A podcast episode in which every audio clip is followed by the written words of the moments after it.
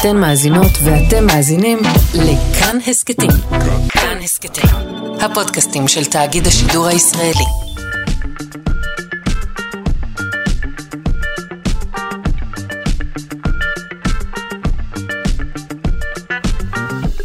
שלושה שיודעים. שלום, בוקר טוב, ברוכים המאזינים של שלושה שיודעים. אנחנו כמובן חלק מיום השידורים המיוחד, קיבוץ גלויות. בשעה הזו אני חוזרת אל הקיבוץ, אה, בו לא גדלתי, אבל בו ביליתי את כל חופשות הילדות המופזות והנהדרות שלי. אה, אנחנו כאן בשלושה שיודעים, לא נבדוק בדיוק מה קורה היום בקיבוץ, אלא ננסה לבדוק שלל תופעות קיבוציות מהכיוון המחקרי. איך עובד בישול בכמויות גדולות? האם יחפנות טובה לבריאות? האם קיים מודל של לינה משותפת אצל בעלי החיים? ואיך הומצאו בגדי העבודה? עורכת, אלכס לויקר, מפיקה, תמר בנימין, אל הביצוע הטכני דימה קרנצוב, אני שרון קנטו, ואנחנו מתקבצים ומתחילים.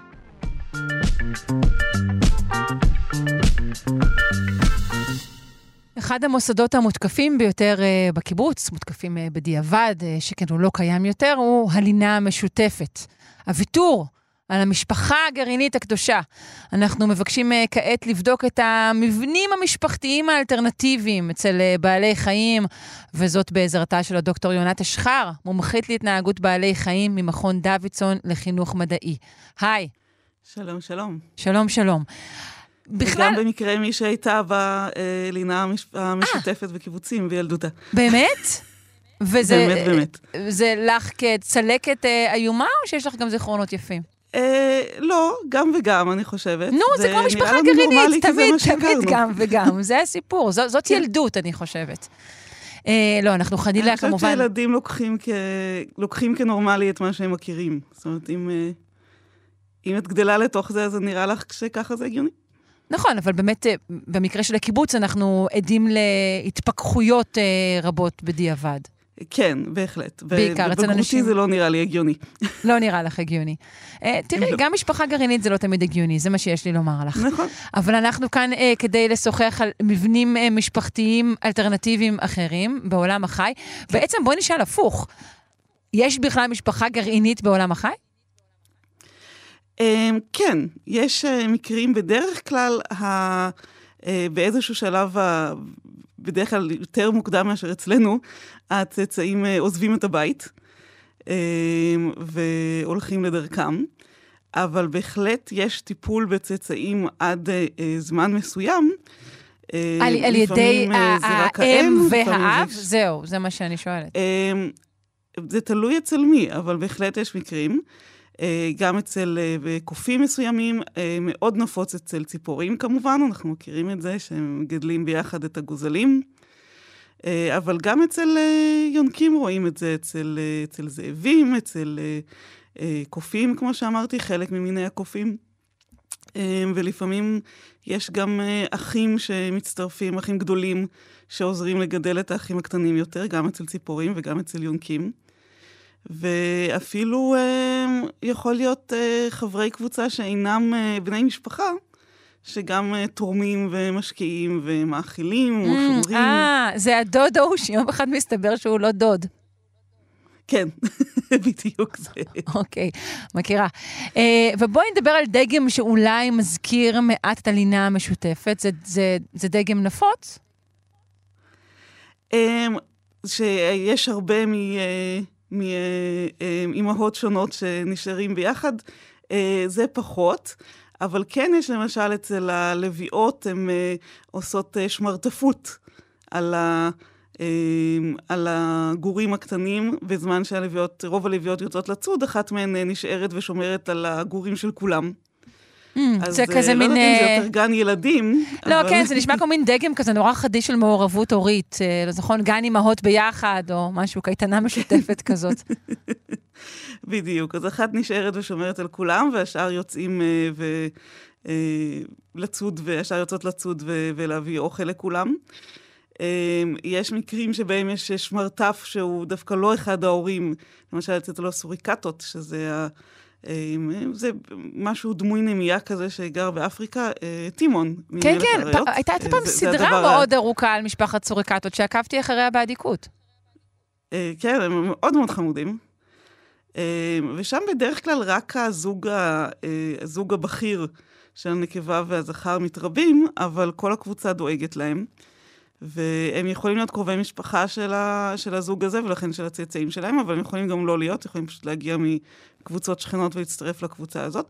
ויש איזשהו שמרטף, שכשהאימא חוזרת אה, אה, אחרי שהיא אה, העניקה את הגורים במשך כמה שבועות, יוצאת אה, אה, לאסוף אוכל, הוא זה שדואג להם, אה, שומר עליהם, וגם כל הקבוצה בעצם עוזרים ומביאים אה, לו ולגורים אוכל.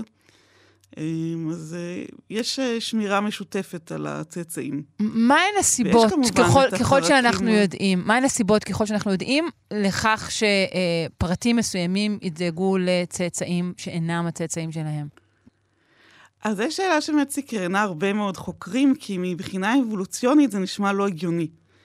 אה, בעצם האבולוציה מתגמלת, הברירה הטבעית מתגמלת את מי שמעביר את הגנים שלו הלאה. בעצם אה, אה, מי שדואג שהגנים שלו יעברו הלאה, אז הגנים האלה והתכונות האלה הם אלה שיתפשטו באוכלוסייה באופן טבעי. אה, ולכן זה מאוד הגיוני שההורים יעשו כל מה שהם יכולים כדי שהצאצאים שלהם ישרדו ויגיעו לבגרות ויעמידו צאצאים משלהם, זה, זה הגנים שלהם שעוברים הלאה. כן, ויקנו דירה. אבל כן, אבל אם זה מישהו שהוא, שהוא לא הצאצא שלך, אז למה אתה עושה את זה? אז בחלק מהמקרים מדובר על אה, פרטים שהם כן קרובי משפחה, למרות שהם לא אה, קרובי משפחה, הם לא ההורים. אה, למשל, האחים הגדולים. אז רואים את זה הרבה אצל ציפורים, שבמקרים שבהם אין כל כך מקום או אין מספיק משאבים בשביל שהם יקימו קן משלהם, הם במקום זה עוזרים ל- להורים שלהם לגדל את הגוזלים של השנה הבאה, אה, וככה הם גם לומדים קצת, מתנסים על איך לדאוג לצאצאים, וגם עוזרים לגנים שלהם שנמצאים אצל האחים שלהם אה, לשרוד ולשגשג. אה, אז חלק גדול מזה זה באמת העניין של הקרובי משפחה. אנחנו רואים את זה אצל אה, הרבה מהחרקים, מה שנקרא האו-סוציאליים, זה נקרא, זה חב- חברותיים באמת. חלקים חברתיים. זה האלה שהם, אה, שהם כאילו סופר חברתיים, כמו הדבורים, דבורי הדבש והנמלים. אה, אנחנו רואים שבעצם יש אה, אה, קשר גנטי, בגלל הצורת רבייה המיוחדת שלהם, הפועלות הן אה, קרובות אחת לשנייה, ולמל... ולצאצאים באופן כללי של המלכה, אה, הרבה יותר מאשר אחים בדרך כלל. ואז יש בזה איזשהו היגיון שהם יתרמו ויטפלו בצאצאים שהם כל כך קרובות גנטית אליהם. אבל יש גם מקרים שבהם אנחנו רואים שבני משפחה, ש... או לא בני משפחה, חברי קבוצה שהם לא בני משפחה, שהם לא קרובים גנטית, כן עוזרים. אמ, ויכולות להיות לזה כל מיני סיבות. אה, יש מחקר מאוד מעניין שעדיין נמשך, שנמשך כבר עשרות שנים בעצם, על אה, אה, ציפור מאוד חמודה ומעניינת שנקראת זנבן. זנבן. זנבן, כן, כי יש אוקיי. לו זנב ארוך, זה לא מאוד מקורי. אה, והיא נחקרת באמת כבר עשרות שנים בערבה. אה, מי שהוביל את המחקרים האלה היה אה, עמוס זהבי, שנפטר לפני Mm. כמה שנים, אבל הוא היה, היה לו אה, הרבה מאוד, אה, חקר אותם במשך הרבה מאוד שנים. אה, והוא הגיע למסקנה שהם, מי ש... שם באמת יש קבוצות שהרבה פעמים מי שמטפל בצאצאים זה לא ההורים שלהם, ואפילו אה, ציפורים שאין להם קשר משפחתי איתם. ומה שהוא אומר זה שהם עושים את זה כדי אה, בעצם להעלות את המעמד החברתי שלהם. בעצם הם אומרים למי שרואה אותם, תראו, אני, אה, אני גם ממש מוצלח, אני מספיק, אני מוכשר מספיק בשביל למצוא אוכל לא רק בשביל עצמי, אלא שאני יכול גם לנדב אוכל לאחרים. אז אני ציפור, ציפור ממש מוצלחת, ואני נדיב, אני דואג לצאצאים, אני דואג לגוזלים, אני אה, יודע להיות אבא טוב. אה, ואז כל ה- הציפורים הנקבות הרווקות שבסביבה יכולות להסתכל עליו ולהגיד, אה, זה, זה תראו אותו, זה מי איך הוא רוצה." אחראי, איך הוא מפרנס. בדיוק, יש לו, יש לו יכולת פרנוס, יש לו את הדאגה. הד- הדוד עם האחיינים בהחלט אה, אה, עולה לדמיון. אה, אה, כן, אני רוצה... זה מאוד מושך שמישהו אה, יודע לטפל ב... וילדים. כן, מאוד, אין ספק. אה, לרוב, אה, בקיבוצים, מן הסתם, אה, מי שהיה אה, עם הילדים אה, אלו הנשים, אה, המטפלת אה, או האחראית. אה, גם בטבע, על פי רוב, מדובר אה, בנקבות? כן, אה, על פי רוב הנקבות אם יש, אם אחד ה... אה, הזוויגים, זה נקרא, להבדיל ממין שהוא מין ביולוגי של כלב, חתול וסוס, אם אחד הזוויגים אה, ולא השני מטפל בצאצאים, אז זה כמעט תמיד אה, אה, תהיה האימא, אבל רק כמעט תמיד, לא תמיד. יש גם אה, אה, מקרים שבהם האבא מטפל, אולי המקרה הכי מפורסם זה זה של סוסון הים, שזה סוג של דג, כן. שהוא פחות או יותר נכנס להיריון. בעצם יש לו מין כיס בבטן שבו גדלות הביצים, והוא מספק להם חומרי מזון אה, בזמן שהן נמצאות בבטן שלו. לא, אבל התכוונתי לטיפול אה, הכללי הזה, הקבוצתי שהזכרת, שם יש גם נקבות וגם זכרים שעוסקים בכך, נכון? גם כשזה לא גם הצאצאים נקבות שלהם. וגם זכרים. כן, כשזה לא הצאצאים שלהם, יש גם אוקיי. נקבות וגם זכרים, גם אצל הסוריקטות, גם אצל הזנבנים, אנחנו רואים את זה, אה, גם האחים שעוזרים אצל הרבה מאוד מיני ציפורים, אנחנו רואים שזה גם ה- גם הזכר וגם הנקבה. מה לגבי אימוץ אה, צאצאים שאינם שלך? עד כמה זה נפוץ בעולם החי? אה, אני חושבת שאנחנו, יכול להיות שזה נפוץ יותר ממה שאנחנו חושבים, כי אה, הרבה פעמים אנחנו לא יכולים לדעת, זאת אומרת, זה קשה להבדיל ולראות שהפינגווין הזה לא באמת שייך לפינגווינה שמגדלת אותו. לא, אבל אנחנו רואים נגיד. ישיבה על ביצים, לנו, על, על ביצים של אה, חברה. אבל כש, כש, כן, כשחוקרים את זה רואים שזה קיים. בגלל זה אני אומרת שיכול להיות שאנחנו יודעים פחות ממה ש... יכול להיות שזה קיים יותר ממה שאנחנו יודעים, אבל אנחנו גם יודעים על, כמה, על כל מיני מקרים. אה, אה, באמת אצל פינגווינים, כמו שאמרתי, שיש אה, פינגווינות שאפילו, או פינגווינים, גם זכרים, שממש, אם הם לא מצליחים לגדל, לגדל אפרוח, הם עלולים לנסות לגנוב ביצה מקן אחר.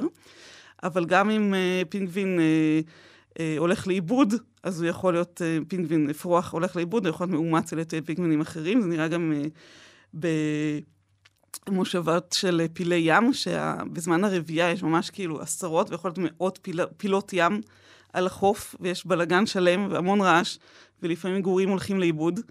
אה, והרבה פעמים הם פשוט מאומצים על ידי אה, פילות ים אחרות ש, שמצאו אותם ו, וגידלו אותם. ואנחנו יודעים גם אצל קופים, אה, זה פחות קטע של ללכת לאיבוד, אבל אה, אה, במקרים שבהם למשל האימא מתה או לא יכולה לגדל אותו באיזושהי, בגלל איזושהי סיבה, אז הנקבות האחרות לוקחות אותו ומגדלות אותו. יש כמה מקרים שראינו את זה. ובאופן כללי, בהרבה מינים של קופים, יש מה שנקרא אלו-פרנטינג, זה הורות, הורות שונה, שזה אומר שהאימא מטפלת בתינוק, אבל האימהות האחרות וגם הזכרים לפעמים, הנקבות וגם הזכרים לפעמים עוזרים. זאת אומרת שהם אה, הם דואגים לו, אם אה, אה, בא איזה טורפת, צריך לברוח, הם לוקחים אותו על הגב. כן. הם לוקחים אותו ממקום למקום כשהקבוצה הולכת, הם דואגים שהוא יהיה בסדר, מנקים לו את הפרווה. בקבוצה של אה, קופים, כשעשיתי את הדוקטורט שלי, שהיה על קופי קפוצ'ין, אז הייתה קופה אחת שהיו לה תאומים, שזה די נדיר וזה קשה לטפל בשתי תינוקות באותו זמן. אז הם, כל הנקבות העניקו את התאומות האלה, כולם לקחו אותם על הגב, היה כל, אה, כל הקבוצה השתתפה.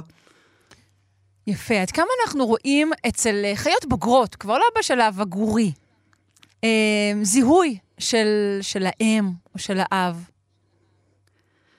אז זה מאוד תלוי בחיה.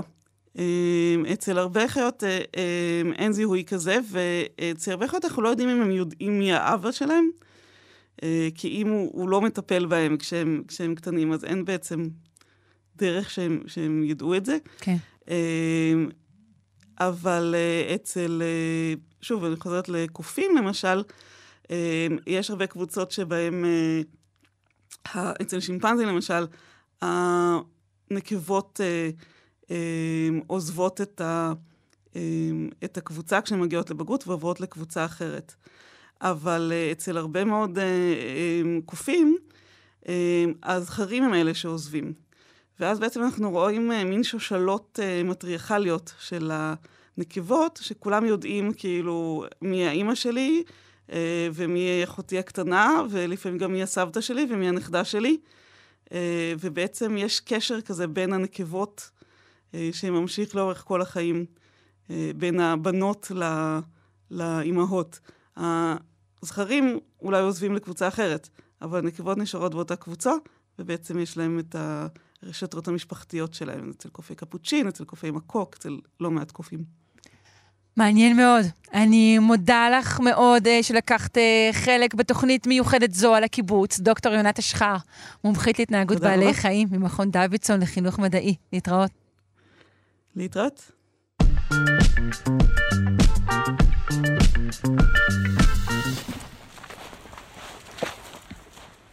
אנחנו ביום השידורים המיוחד, קיבוץ גלויות, אה, בו כל אחד מאיתנו חוזר אל נופי ילדותו, ובשעה הזו אני חוזרת אל הקיבוץ, בו ביליתי את כל חופשות הילדות.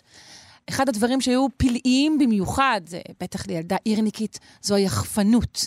הילדים פסעו בשבילים, ולפעמים גם המבוגרים, פשוט ללא נעליים, ובלי שמישהו יגיד להם, היי, hey, איפה הנעליים שלכם? אל תלכו יחפים. אנחנו רוצים uh, לשאול uh, כרגע, האם יש יתרונות בללכת יחפים, או שמא ההורים הנוזפים, שאומרים, כן, כן, חייבים לנעול נעליים, הם אלו שצודקים. נפנה אל הפרופסור יוסף משראוי, הוא פיזיותרפיסט וראש המעבדה לחקר עמוד שדרה ושיקום אורתופדי באוניברסיטת תל אביב. שלום, בוקר טוב. שלום, שלום וכל המאזינים היקרים. אה, שלום. אני חושבת שאני... חג שמח. חג, אה, חג שמח, מועדים לשמחה. אה, אני חושבת שאנחנו נתחיל בעצם בשאלה על ההבדל בין כפות הרגליים של הילד לכפות הרגליים של המבוגר. אני מניחה שזה כמעט לא אותו מוצר. לא, אנחנו נולדים עם אותם אה, גנים, זה רק הולך להתפתח ומשתבח. אוקיי. עד שהורסים את הכל. Mm, אוקיי. אנחנו נולדים ללא נעליים. בואו נתחיל עם זה. ונולדים עם זה שהילד אמור אה, בעצם אה, גם לזחול וגם להרגיש את האצבעות, את הכפות רגליים, ובעצם לאט לאט לעמוד על הברכיים, ברך רגל, לעמוד על הרגליים, על כפות הרגליים, להרגיש את הרצפה, את האדמה, את התחושות השונות שבאות לו. זה עוזר לו להתפתח נורולוגית, התפתחות מוטורית, זה עוזר לו להבין את הדברים, זה פשוט עולם ומלואו שהוא מקבל דרך המגע מכף הרגל. זהו, אתה יודע, כבר מהתיאור שלך, רק עצם זה שככה חילקת את כף הרגל לאצבעות, זה ישר יוצר תחושה אחרת אפילו במהלך השיחה. כי לרוב אנחנו נוטים כבר להתייחס לכף הרגל הארוזה בנעל כאיזה מין אה, חתיכה אחת כזאת, כף רגל. כן, אה? כף הרגל בנויה לפחות, אני יודע, כמעט, כמעט בטוח, ב-27 עצמות, ו-33 מפרקים, עם המון, כמעט 100 רקמה רכה, גישורים, גידים ורצועות, וזה המון המון המון מרכיבים בתוך כף רגל אחת, שכמובן בתור ילד, זה בהתחלה לא כולם מופרדים, אבל אחר כך זה מתפתח וכל מרכיב מקבל את התפקוד שלו, את התפקיד שלו, אבל זה בהחלט לא נישה אחת ששמים בתוך נעל. זה המון דברים שצריך לקחת בחשבון כשמחליטים להכניס לאיזה נעל ואם בכלל.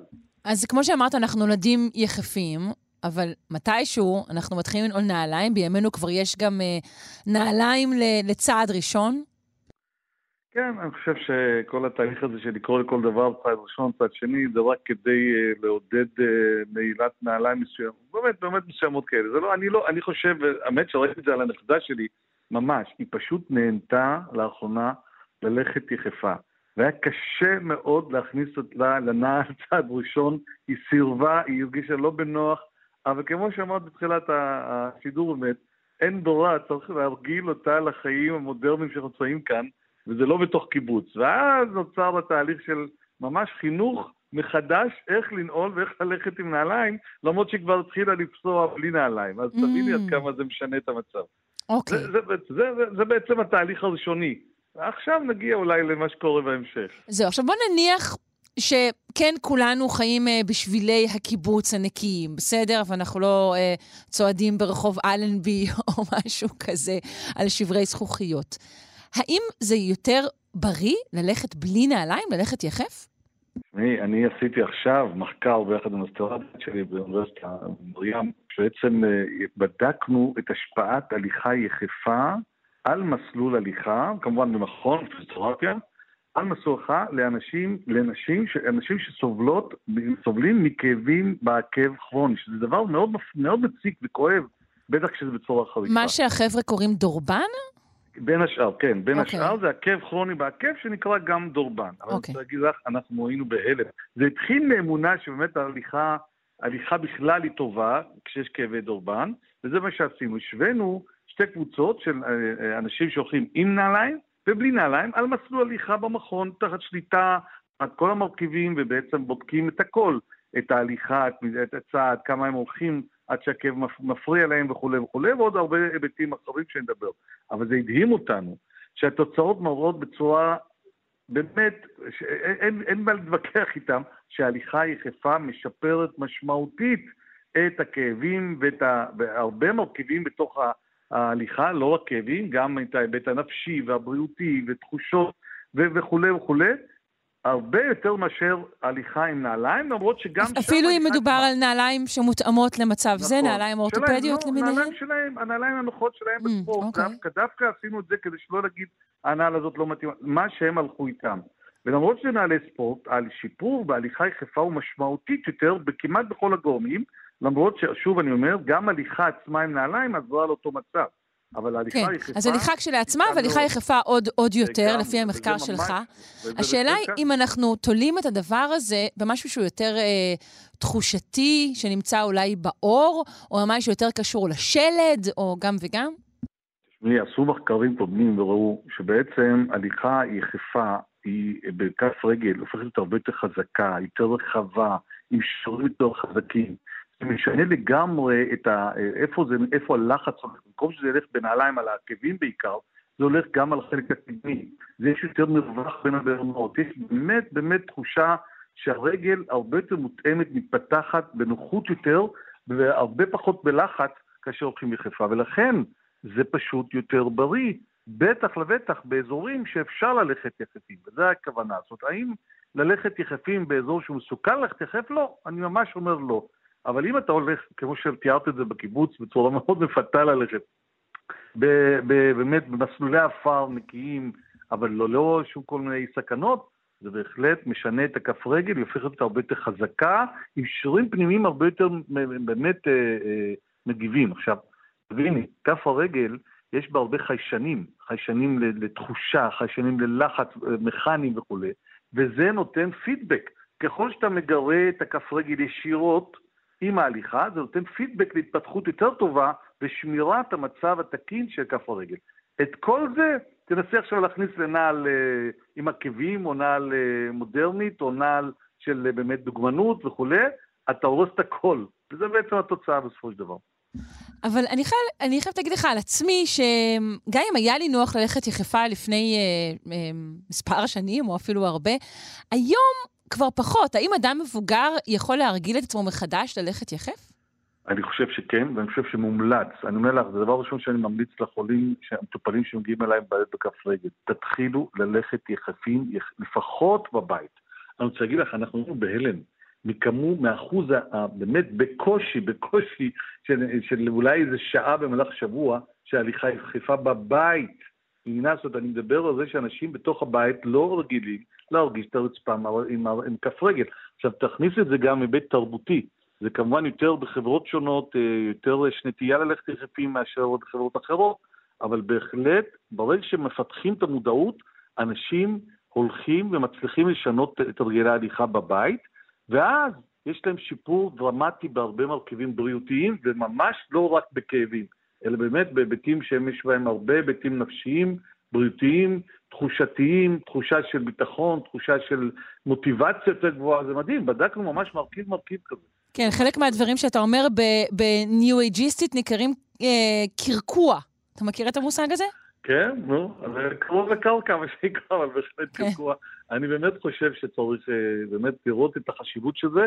דרך אגב, עדיף בלי גרביים, אני כבר אומר את זה. זאת אומרת, אני לא רוצה שיהיה הליכה יחפה עם החלקה בבית, אלא החלקה שלא יפלו ולא ישברו, בטח אנשים מבוגרים, אלא הליכה יחפה שבה אתה יכול לחלק את זה במהלך היום.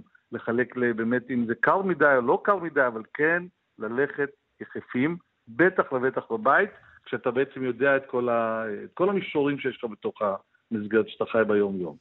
ציינת אה, שיש ממש משהו כמעט כמו חיישנים שכאלו אה, בכף הרגל. האם היית אומר שגם אולי, אה, אני חושבת שזה קשור לרפלקסולוגיה, אבל הבנתי אינה עמוקה, שבה לכאורה כל אזור בכף הרגל מייצג אזור בגוף. לדבר הזה יש איזשהו יסוד? כן, תראי, יסוד אה, במובן המדעי, קשה להוכיח את זה ברמה באמת אה, בצורה ישירה, בשליטה מוחלטת, להגיד שיש קשר רפלקסולוגי לדברים שונים. אבל כמובן, כל מי שנוגע בכף רגל, כשאתה נוגע למישהו בכף רגל הוא מרגיש טוב, אלא אם כן יש איזו בעיה מאוד מאוד חריפה. הוא מרגיש טוב שאתה עושה לו עיסוי ואתה מנזר, אז בעצם כל מגע כזה יכול להשפיע על הרבה דברים בגוף. אתה מתחיל להירגע, אתה מתחיל להרגיש יותר בנינוחות, הנשימה שלך יכולה להירגע, אז אני כן מאמין שזה משפיע על מערכות שונות. אני לא בהכרח אומר שזה כל נקודה, יש לה את הנקודה שלה בגוף, זה דבר שצריך להוכיח. אבל באמת, העניין הזה של הרפלקסולוגיה, בוא נקרא לזה ככה, המתמשכת תוך כדי מגע עם הרצפה, תורם מאוד לתחושת הנינוחות של הגוף. כל עוד אנחנו באמת מתייחסים לכאבים וסימפטומים שקיימים, וצריך כמובן להתייחס בכובד ראש כאשר יש בעיה ספציפית ולטפל בה.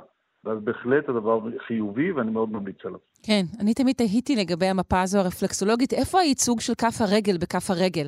אבל זו כבר אולי שאלה פילוסופית מרגיזה. לא, אבל מה שכן צריך לזכור שכף הרגל, כמו כף היד, האצבעות, יש להם ייצוג מאוד משמעותי במוח. זאת אומרת, זה, נכון. זה דבר, לכן הם מאוד רגישים ורגישות, כאילו האצבעות רגישות וכולי. כי הייצוג שלהם ביחס למשל אה, הגב או הירך או הבר, הן יותר רציניות, ולכן הרגיש, המגע עם האזורים האלה הוא מאוד משמעותי, ובהחלט יכול להביא או הנאה או סבל. כן. שאלה אחרונה, כי גם uh, על זה אני חושבת שניטש ויכוח. אתה יודע, הגרסאות הכי ראשוניות של נעליים, בעצם אנשים התחילו להשתמש בהן בתקופה הפלאוליטית התיכונה, זה ממש ממש ממש מזמן. והיום אנחנו כבר ב... אתה יודע, בכל מיני נעליים, כריות אוויר וכל מיני uh, המצאות uh, מטורפות. האם באמת יש הבדל כל כך גדול בין סוגי הנעליים? כן, תראי, אני, אם כבר נעליים, צריך להיות נעליים עם פחות אה, זעזועים, וזה בהחלט מה שאני ממליץ. זה ב, ללא עקבים מאוד מיתרים, אבל בהחלט עם בולמי זעזועים שמורידים מהעומס עד כמה שאפשר מאזור העקב, ומנסה לחלק את המשקל לכל כף הרגל. הבעיה היא שלא כל נעל שנמכרת מותג מתאימה לכל הרגליים. לכן צריך לדעת בדיוק איזה רגל, איזה נעל מתאימה לכל כף רגל. אני יכול להגיד לך הרבה דוגמאות של מטופלים שקנו נעליים מאוד יקרות מותגים, וזה ממש לא עשה להם טוב. ולכן חייבים הדרכה, אני ממליץ מאוד שזה מישהו שמבין בתחום ובאמת יבדוק את הכף הרגל. יש גם אה, נטייה ללכת לבנות מדרסים להתאמת כף רגל, אפילו ספידה מותאמת, כדי שיכניסו בתוך הנעל. אני גם את זה ממליץ, למרות שהמחקרים הם ממש לא חד משמעיים בעניין ולא אומרים ש... לשים מדרס או לבנות מדרס משנה ומשפר בצורה דרמטית, mm. צריך להיות מאוד זהיר במסקנות האלה. בסדר, אז בכל מקרה אנחנו מסכימים שהנוהג הקיבוצי, לפחות של אז, אה, ללכת יחפים הוא בהחלט נוהג מומלץ. אה, ואני נכון. מודה לך מאוד מאוד על השיחה הזו. תודה רבה, ושתהיה באמת הרבה בריאות והרבה הליכה בריאה לכולם. תודה רבה. לא משנה, עם נעליים או בלי נעליים, תלכו, זה מאוד בריא. תודה לך, פרופסור יוסף משאווי, פיזיותרפיסט, ראש המעבדה לחקר עמוד שדרה ושיקום אורתופדי באוניברסיטת תל אביב. ביי ביי. ביי ביי.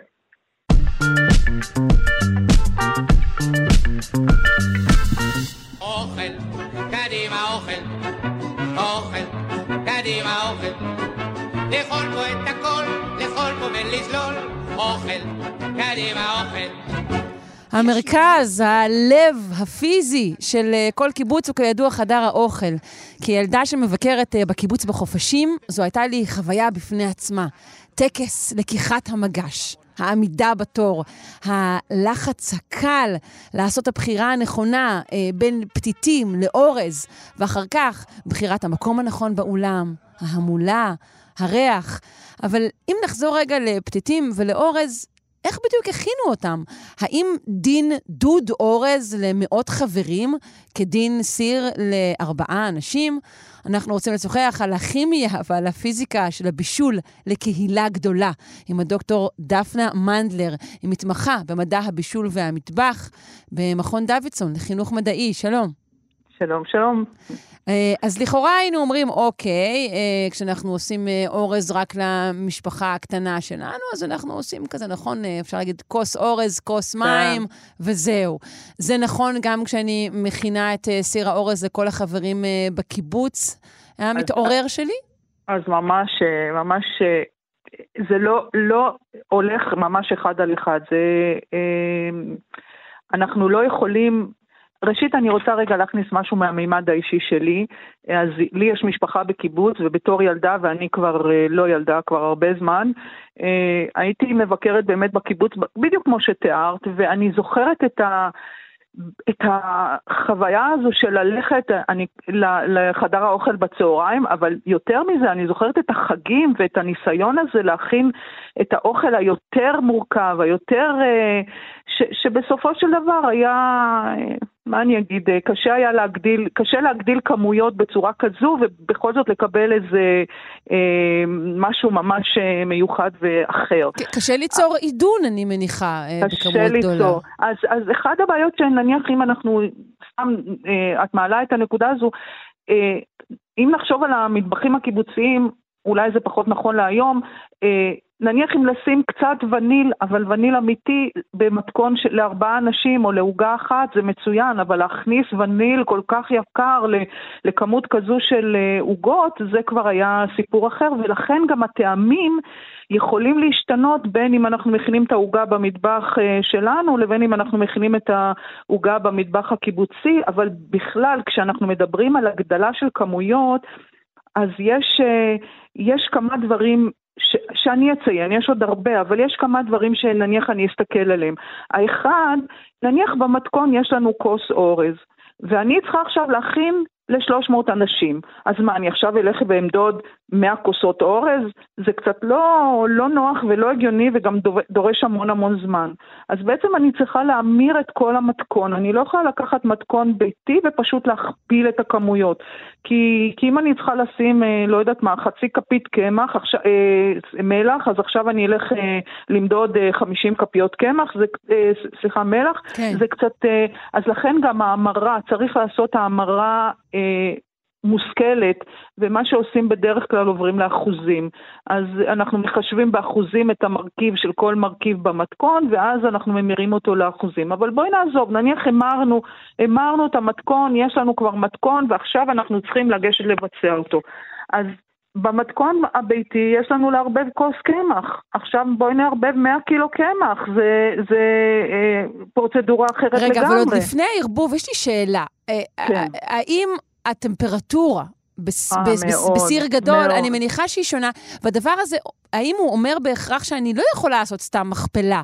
זאת לא. אומרת, לא. נכון? זה לא בדיוק אותו דבר לא. כדי להגדיל מתכון. לגמרי, כי, כי זה לא רק החימום, זה גם הקירור. אז בואי נתחיל רגע מהקירור. נניח הכנתי אה, אה, אה, עשר מאפין ביתיים, ועכשיו אני מקררת אותם על השיש, ובמקום זה אני צריכה לקרר אלף מאפין, אלף מאפין שהוצאתי מהתנור. משהו אחר לגמרי, משהו שאני צריכה לקחת בחשבון בסביבה שבה אני בכלל מקררת אותם. אבל בואי נלך לחימום. אה, כשאנחנו מדברים על חימום באופן כללי, אנחנו מדברים על העברת אנרגיה. וכשאני אה, מעבירה אנרגיה, מאוד מאוד חשוב שטח הפנים. זאת אומרת, המפגש של החומרים עם האנרגיה שעוברת. אז אם, סתם, אם ניקח אפילו נתח בשר קטן או נתח בשר גדול, החדירה של האנרגיה היא שונה לגמרי. כדי לאפות את, אה, או לבשל את מרכז הנתח, האנרגיה שבאה מחוץ הנתח פנימה, לוקח לה זמן לעבור. ואם זה גדול או קטן, אז זה, זה לגמרי אחר. זאת אומרת, זה דברים ש, שממש ממש אה, משנים איך... איך ה, אנחנו צריכים לקחת בחשבון איך האנרגיה עוברת ואיך זה מבשל, כי, כי לבשל נתח בשר קטן ולבשל נתח בשר גדול זה שונה לחלוטין והתוצאה היא, היא, היא גם שונה לחלוטין גם מבחינת הטעמים, כי בואי נגיד, בואי נשתמש, החום במקום האנרגיה, הוא גורם לפיתוח טעמים בתוך התבשיל שאנחנו מבשלים. ואם החום הזה עובר בצורה כזו או בצורה כזו, משנה את, ה, את הפיתוח טעמים בתוך, ה, אה, בתוך המזון עצמו. אז גם זה משהו שמאוד מאוד צריך אה, אה, לקחת בחשבון. יש עוד דברים, ש, כי למשל, כשחום עובר לאט, אז אה, מרכיבים מסוימים מגיבים בצורה מסוימת, ומרכיבים יגיבו אחרת אם החום עובר מהר. אז אני לא רוצה להשתמש במילים של, אה, של אה, להישרף או לא להישרף, אבל יש, יש לזה משמעות, כי נניח שאני רוצה חום גבוה כדי לבשל הרבה אוכל, אני יכולה לגרום לחריכה של, ה, של הבחוץ של האוכל, כאשר בפנים זה בכלל עוד לא מבושל. אז אנרגיה זה ממש ממש אה, משהו שהוא לא בעייתי, אבל זה משהו ש... זה כמו מדע שלם שאנחנו צריכים להבין מה קורה לאוכל בין כמויות קטנות לכמויות גדולות. כי נניח הכפלנו את המתכון, אבל ברגע שהכפלנו אותו, יצרנו אני לא אגיד, זה קושי, יצרנו משהו שאנחנו חייבים להתחשב בו באיך האנרגיה מהמקור החיצוני שלנו עוברת פנימה, אנחנו כמובן לא יכולים להשתמש באותה כמות אנרגיה, אנחנו צריכים לשנות את כמות האנרגיה, להגדיל אותה, אבל להגדיל אותה, אנחנו, יש לזה משמעות מבחינת החוץ של המזון, לפנים של המזון, אז זה דברים שהם לא, ממש לא מיידיים, אלא אה, זה, זה האמת שזה מדע שלם. ואמרת אה, שוב שגם נושא הערבוב, אה, מן הסתם בכמויות גדולות, דורש כלים אחרים ורמות, אחרים. ורמות נכון. אנרגיה אחרת שאנחנו מוציאים על הבישול. יש גם חש, חשיבות, סדר הרכיבים עשוי להשתנות, נכון? ב... לגמרי, לגמרי. כי, כי שוב, בגלל שזה כמויות גדולות, אז המרכיבים יכולים להתנהג שונה. זאת אומרת, נניח, יש לי שוב, יש לי אלה, 100 קילוגרם של אבקה, ואני צריכה לערבב אותה. עכשיו אני מתחילה להוסיף את הנוזלים, אבל יש עוד אה, מרכיבים נוס, נוספים וגם גודל הכלי משנה, כי הפיזור של החומרים בתוך הכלי משנה. אז אני צריכה ממש לשים לב, ל, ל, אני, כדי להתכונן לקראת המפגש הזה, אז קצת הלכתי לחקור באמת על המטבח הקיבוצי, וגם קצת ראיתי אה, סרטונים של, היום הרי המטבח הקיבוצי הוא כבר שונה לגמרי, כבר אני לא יודעת אם יש מטבח קיבוצי. אבל... אה, כן, יש אבל... כל מיני זכיינים שמפעילים אותו, אני כן, חושבת. נכון, זה חברות קייטרינג, חברות קייטרינג ש... כן. שבעצם... אה, אז ראיתי איזה, על, על, נדמה לי, לא זוכרת איזה קיבוץ, והם כל הזמן, הגברות המבוגרות מאוד ש... שראיינו אותם, הן כל הזמן אומרות, המיקסר היה פה, אבל המיקסר היה פה, העניין הזה של המיקסר שפתאום היה להם בשנות ה-70, שעזר להם בכלל להתמודד עם הכמויות המאוד גדולות האלה שהם היו צריכים... אה, אה, לערבב ולקחת בחשבון את האינטראקציה בין הקמח למים, לסוכר, למרכיבים הנוספים, זה היה משהו מאוד אה, משמעותי, אני לא אגיד דרמטי, אבל זה שנכנס בכלל משהו מערבל כזה, שיכול היה לערבל בצורה תעשייתית, מאוד מאוד שינה את האופן שהם הסתכלו על איך מרכיבים את, ה, את המזון שהם עומדים להכין לקהל המאוד רחב שם. אז באמת, כשאנחנו בכמות גדולה, אין שום אפשרות אה, להשתמש ברכיב שצריך תגובה מהירה. כי, לגמרי. נכון? נכון. אז אולי אפשר להגיד שבעצם זה אחד מהדברים שגורמים לכך שבישול בכמויות גדולות, קשה מאוד לייצר בו משהו מעודן, אה, כמו שאמרנו. לא, זה לגמרי אומנות, זה באמת אומנות, כי את יודעת, אנחנו הרי רבועים בכל מיני אה, תוכניות מזון ועושים מנות קטנות מאוד מהודקות, אבל לעשות במטבח תעשייתי אה, מנות מאוד מהודקות, זה ממש, אה, אני, אני לא יודעת, אני לא רוצה להגיד, אני לא מנוסה בזה, אבל, אה, אבל זה משימה כמעט בלתי אפשרית, כי, כי ה, ה, המרכיבים, המרכיבים מתנהג, יכולים להתנהג אחרת בגלל הקושי או השוני, אני לא אגיד הקושי, כי בטח יש כאלה שמומחים, אבל כן, כן. את לא, נניח את לא תמצאי, לא יודעת, במטבחים צה"ליים, אוכל מאוד מעודן, כי קשה פשוט, קשה, כי המרכיבים משת... הם, מתנהגים אחרת, והמפגש שלהם אחד עם השני, מהירות המפגש, או קצב המפגש, או התכנות המפגש, היא שונה, ואז זה משפיע גם על המרקם, גם על הטעם. אני מניחה שיש מומחים שיודעים לעשות את זה בצורה אה, מאוד כן. טובה. אבל אפשר להגיד שלא לא לחינם לא יצא ספר הבישול המלא של הבקו"ם. לא דבר ממש שראינו. לא, ממש לא. אני מצאתי שיש כן אה, ספר מתכונים של המטבח הקיבוצי, קוראים, לא, קוראים אבל לו זה של, חדור. זה של חדר האוכל או של דברים לא. שהכינו לא, לא. בקיבוצים בחדרים? נכון. זה לא, משהו לא, אחר. קוראים לו, נכון, קוראים לו חדר אוכל, אבל זה של, ה, של החברים שהיו להם מתכונים אה, מיוחדים והם אה, פרסמו אותם בספר, אבל זה לא של חדר האוכל כן. עצמו. ומי שחווה חדר אוכל קיבוצי יודע שבדרך כלל אנחנו נאכל אולי עוף צלוי או עוף מכובס או אה, קצת אה, אורז או תפוחי אדמה, אבל לא יהיה את ה... את ה ככה את האוכל היותר מעודן, עם השימת לב לפרטים הקטנים, לאיך אתה מערבב, לאיך אתה מוסיף, מה אתה מוסיף. טוב, זה גם לא היה בדיוק באתוס. מה, מה לגמרי. מעודן עכשיו? האוכל מטרתו להזין אותנו כדי שנוכל להמשיך לעבוד, ואנחנו לא נכון. מתקשקשים עכשיו בשטויות. נכון, אה, ובכל לגמרי. זאת, למרות שאולי לא היה הרבה עידון, עדיין אה, אפשר אה, לחוש נוסטלגיה אה, גם לדבר הזה, אה, שכולם אה, אוכלים אה, יחד, והמפגש נכון. הוא לב העניין. נכון. אני, אני זוכרת את זה בגעגוע, אני חייבת להגיד. נהדר. אה, אה, טוב, אני. אני מודה לך מאוד אה, על השיחה הזאת, דוקטור תודה, דפנה תודה מנדלר, לכם. מתמחה במדע הבישול והמטבח עם מכון דוידסון לחינוך מדעי. להתראות. תודה רבה, להתראות. מי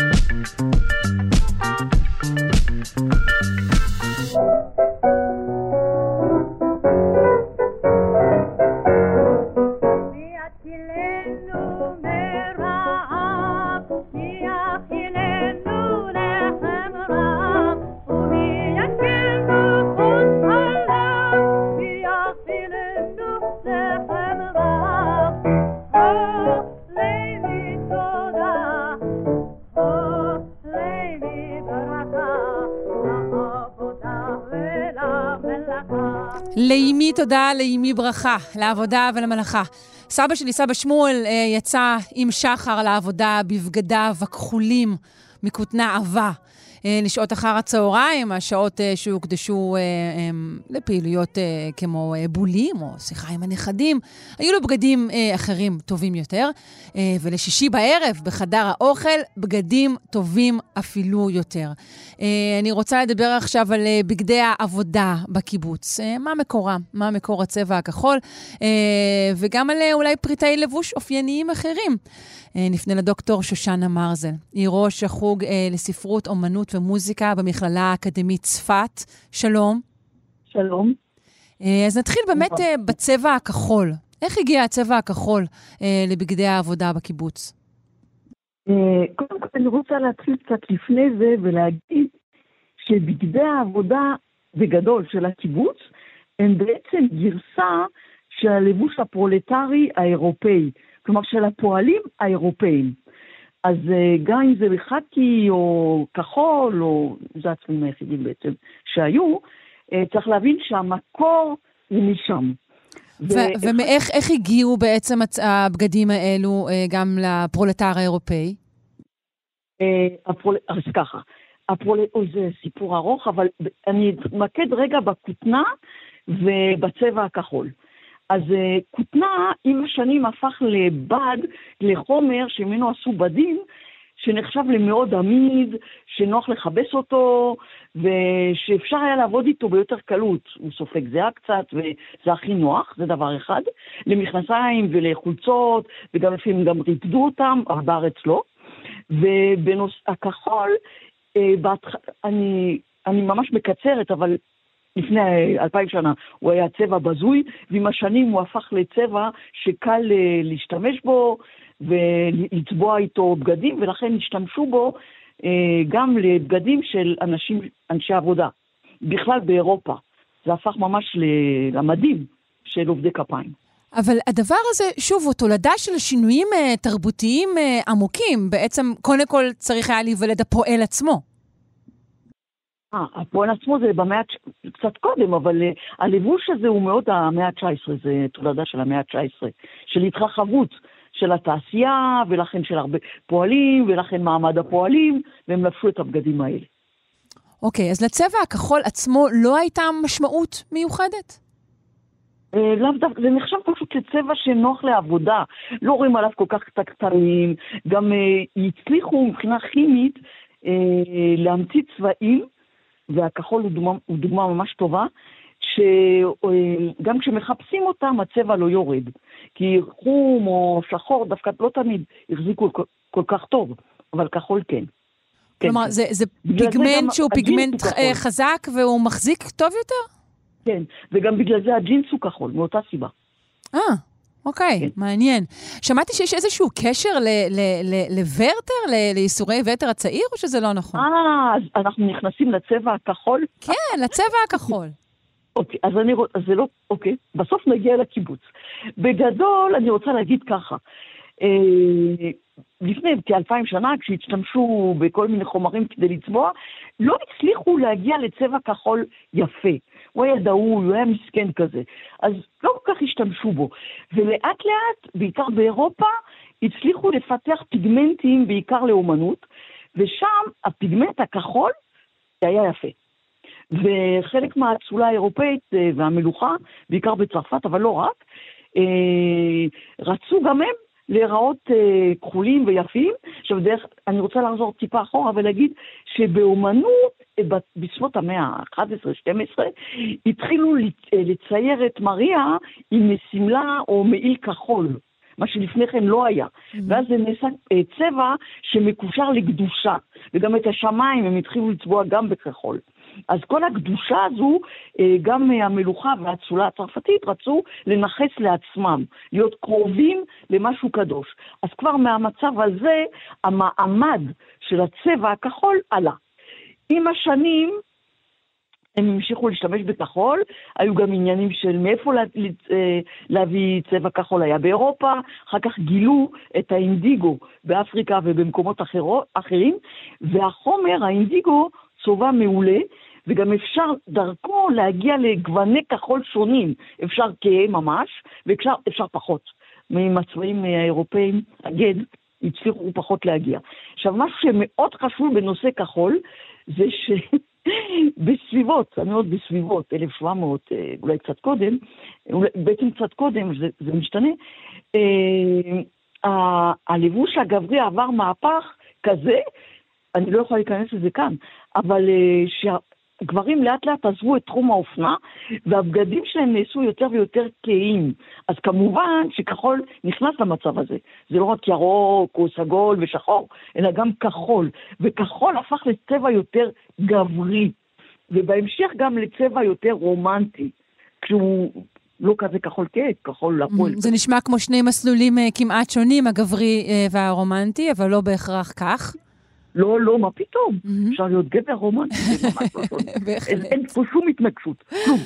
אה, אוקיי, ועד היום בעצם הכחול הוא עדיין מזוהה, נכון? זה עדיין צבע של בנים, מה שנקרא, בחנויות שעוד כן. עושות את ההפרדה הזו. אה, אבל זה ממש התפתחות מאוחרת. זה רק המאה ה-20. זה, וכנראה רק אחרי מלחמת העולם השנייה, שזה ממש מאוחר. כי תראי, למשל, כשכתבו את אליסה בארץ הפלאות, מהמם. במאה ה-19, והתחילו לעשות איורים ואפילו לצבוע, אז השמלה שלה כחולה. גם כשדיסני עשו את אליסה בארץ הפלאות, אז הם בחרו שמלה כחולה. כי זה היה מאוד נחשב ל... מתאים לבנות, להפך, אפילו לילד, כן. בקשר לילדים, לא בקשר לגברים. הרבה זמן, אדום, ורוד, זה נחשב יותר עוצמתי. לכן אה, הלבישו ככה בנים, ובנות זה היה חלחל, סגול, דברים כאלה. לא, זה ממש מהפך. המצב הזה. אה, וכעת בואי נגיע באמת אה, לבגדי הפועל בקיבוץ, שאמרת שבעצם הם היו דומים אה, לבגדים של הפרולטר האירופאי. לגמרי, כן, כן, כן. גם אני רוצה להגיד שזו הסיבה שיש לבגדים האלה כפתורים עם צווארון, שזה לגמרי מיותר. בשביל מה צריך את זה? בשביל לעבוד בארץ הקודש. זה מיותר. אבל הם הביאו את זה יחד איתם, גם עם הדברים המיותרים. כן. כן. אה, עד היום הצבע הזה אה, מאוד מזוהה עם מפעל עטה. אה, מה נכון. תוכלי לספר לנו על מפעל עטה? עטה הוקם ב-1934 על ידי האנס מולר מצ'כיה. הוא הגיע לארץ יחד עם המכונות ועם הידע, הוא לא היה היחיד. בשנות ה-30 הגיעו גם הרבה יקים, היו כל מיני, והיו כל מיני דברים כאן, אבל במקרה שלו, הוא הביא איתו את הידע ואת את, אה, את ההתמחות הזאת, גם לטוות חוטים וגם ל- ל- להרוג בדים, כל הדברים האלה. ובהתחלה של עטה היו רק ארבע צבעים, הם ייצרו רק ארבע צבעים, לבן, חאקי, שחור וכחול. וזה היה נראה לו מספיק. ואכן הם אה, הפכו לאט לאט גם למלביש הלאומי, וזה כן. הספיק לאנשים. זהו, זה עד כמה הצמצום. הזה בסקלת הצבעים, עד כמה הוא מייצג את כל הערכים אה, של אה, בניין הארץ בתקופה הזו?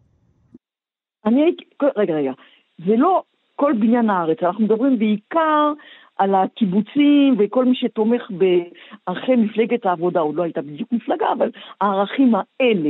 יש לנו עוד אנשים אה, שהיו פה כל ה... אה, התעשייה יותר קטנה, אנשי אופנה אחרים, הם לא התלבשו ככה, אבל מי שהחזיק בערכים של שוויון, של... בעיקר של שוויון, של שוויון אה, חברתי, של תמיכה חברתית, של הדברים האלה, הם התלבשו ככה. אז זה קיבוצים ואנשים שתמכו בהם גם בערים. כלומר, הבגדים היו אמורים, כן, לייצג את ערכי השוויון וגם את ערכי כן. העבודה. כלומר, הבגדים האלה. אפשר ללכלך אותם, נכון? אנחנו נכבס אותם, הכל יהיה בסדר, הצבע שלהם יהיה עמיד, כמו שאמרת. בדיוק, כן. רגע, אני רוצה להגיד שזה שוויון, אה, יחד עם התפ... אה, פשטות, הסתפקות במועט, הערכים האלה, האלה. עכשיו, יש פה משהו פרדוקסלי, כי מצד אחד הם מאוד הקפידו על הלבוש הזה. ומצד שני אמרו שלבוש זה לא חשוב, אבל בכל זאת זה היה חשוב, כי הם הקפידו על זה. כאילו הלבוש, אפשר להגיד שהוא, כן. שהוא חשוב, וזה כמובן אה. הופך את הלבוש כן. לחשוב בפני כן. עצמו. וההתפלגות הזו בין הכחול לבין החאקי, הבחירה ב- אה, בקיבוצים, אה, בעיקר ובכלל בגדי הפועלים בכחול, מה? האמת זה התפלג די שווה בשווה. אחרי אוקיי. חלק יצאו. מה עוד שחאקי, לא, אני רוצה להגיד, שהם בדרך כלל לבשו חאקי כשהם עבדו בחוץ. כי זה יותר, זה פחות מחמם בשמש פשוט. נכון. חאקי הבהיר, כן. ולעומת זאת, כחול הם אה, השתמשו במפעלים או בפנים, למשל, אה, מי שעבד במוסך של הקיבוץ לבש כחול, למשל. כן. דברים כאלה. כן, נכון כן, מאוד. כן. סבי עבד אה, בנגריה הרבה, למשל, את זה אני זוכרת. בדיוק, אז הוא לבש בגדים כחולים. נכון. טוב, אני מודה לך מאוד, דוקטור שושנה. מרזל, ראש החוג לספרות, אמנות ומוזיקה במכללה האקדמית צפת. להתראות. להתראות, ביי.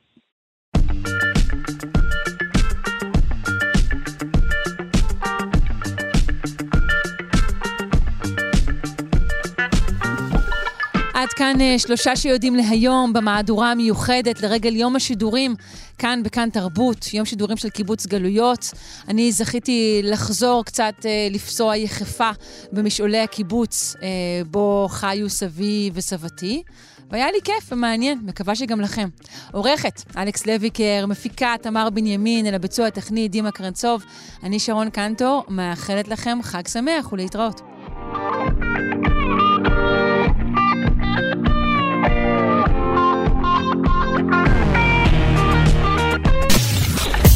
אתן מאזינות ואתם מאזינים לכאן הסכתים.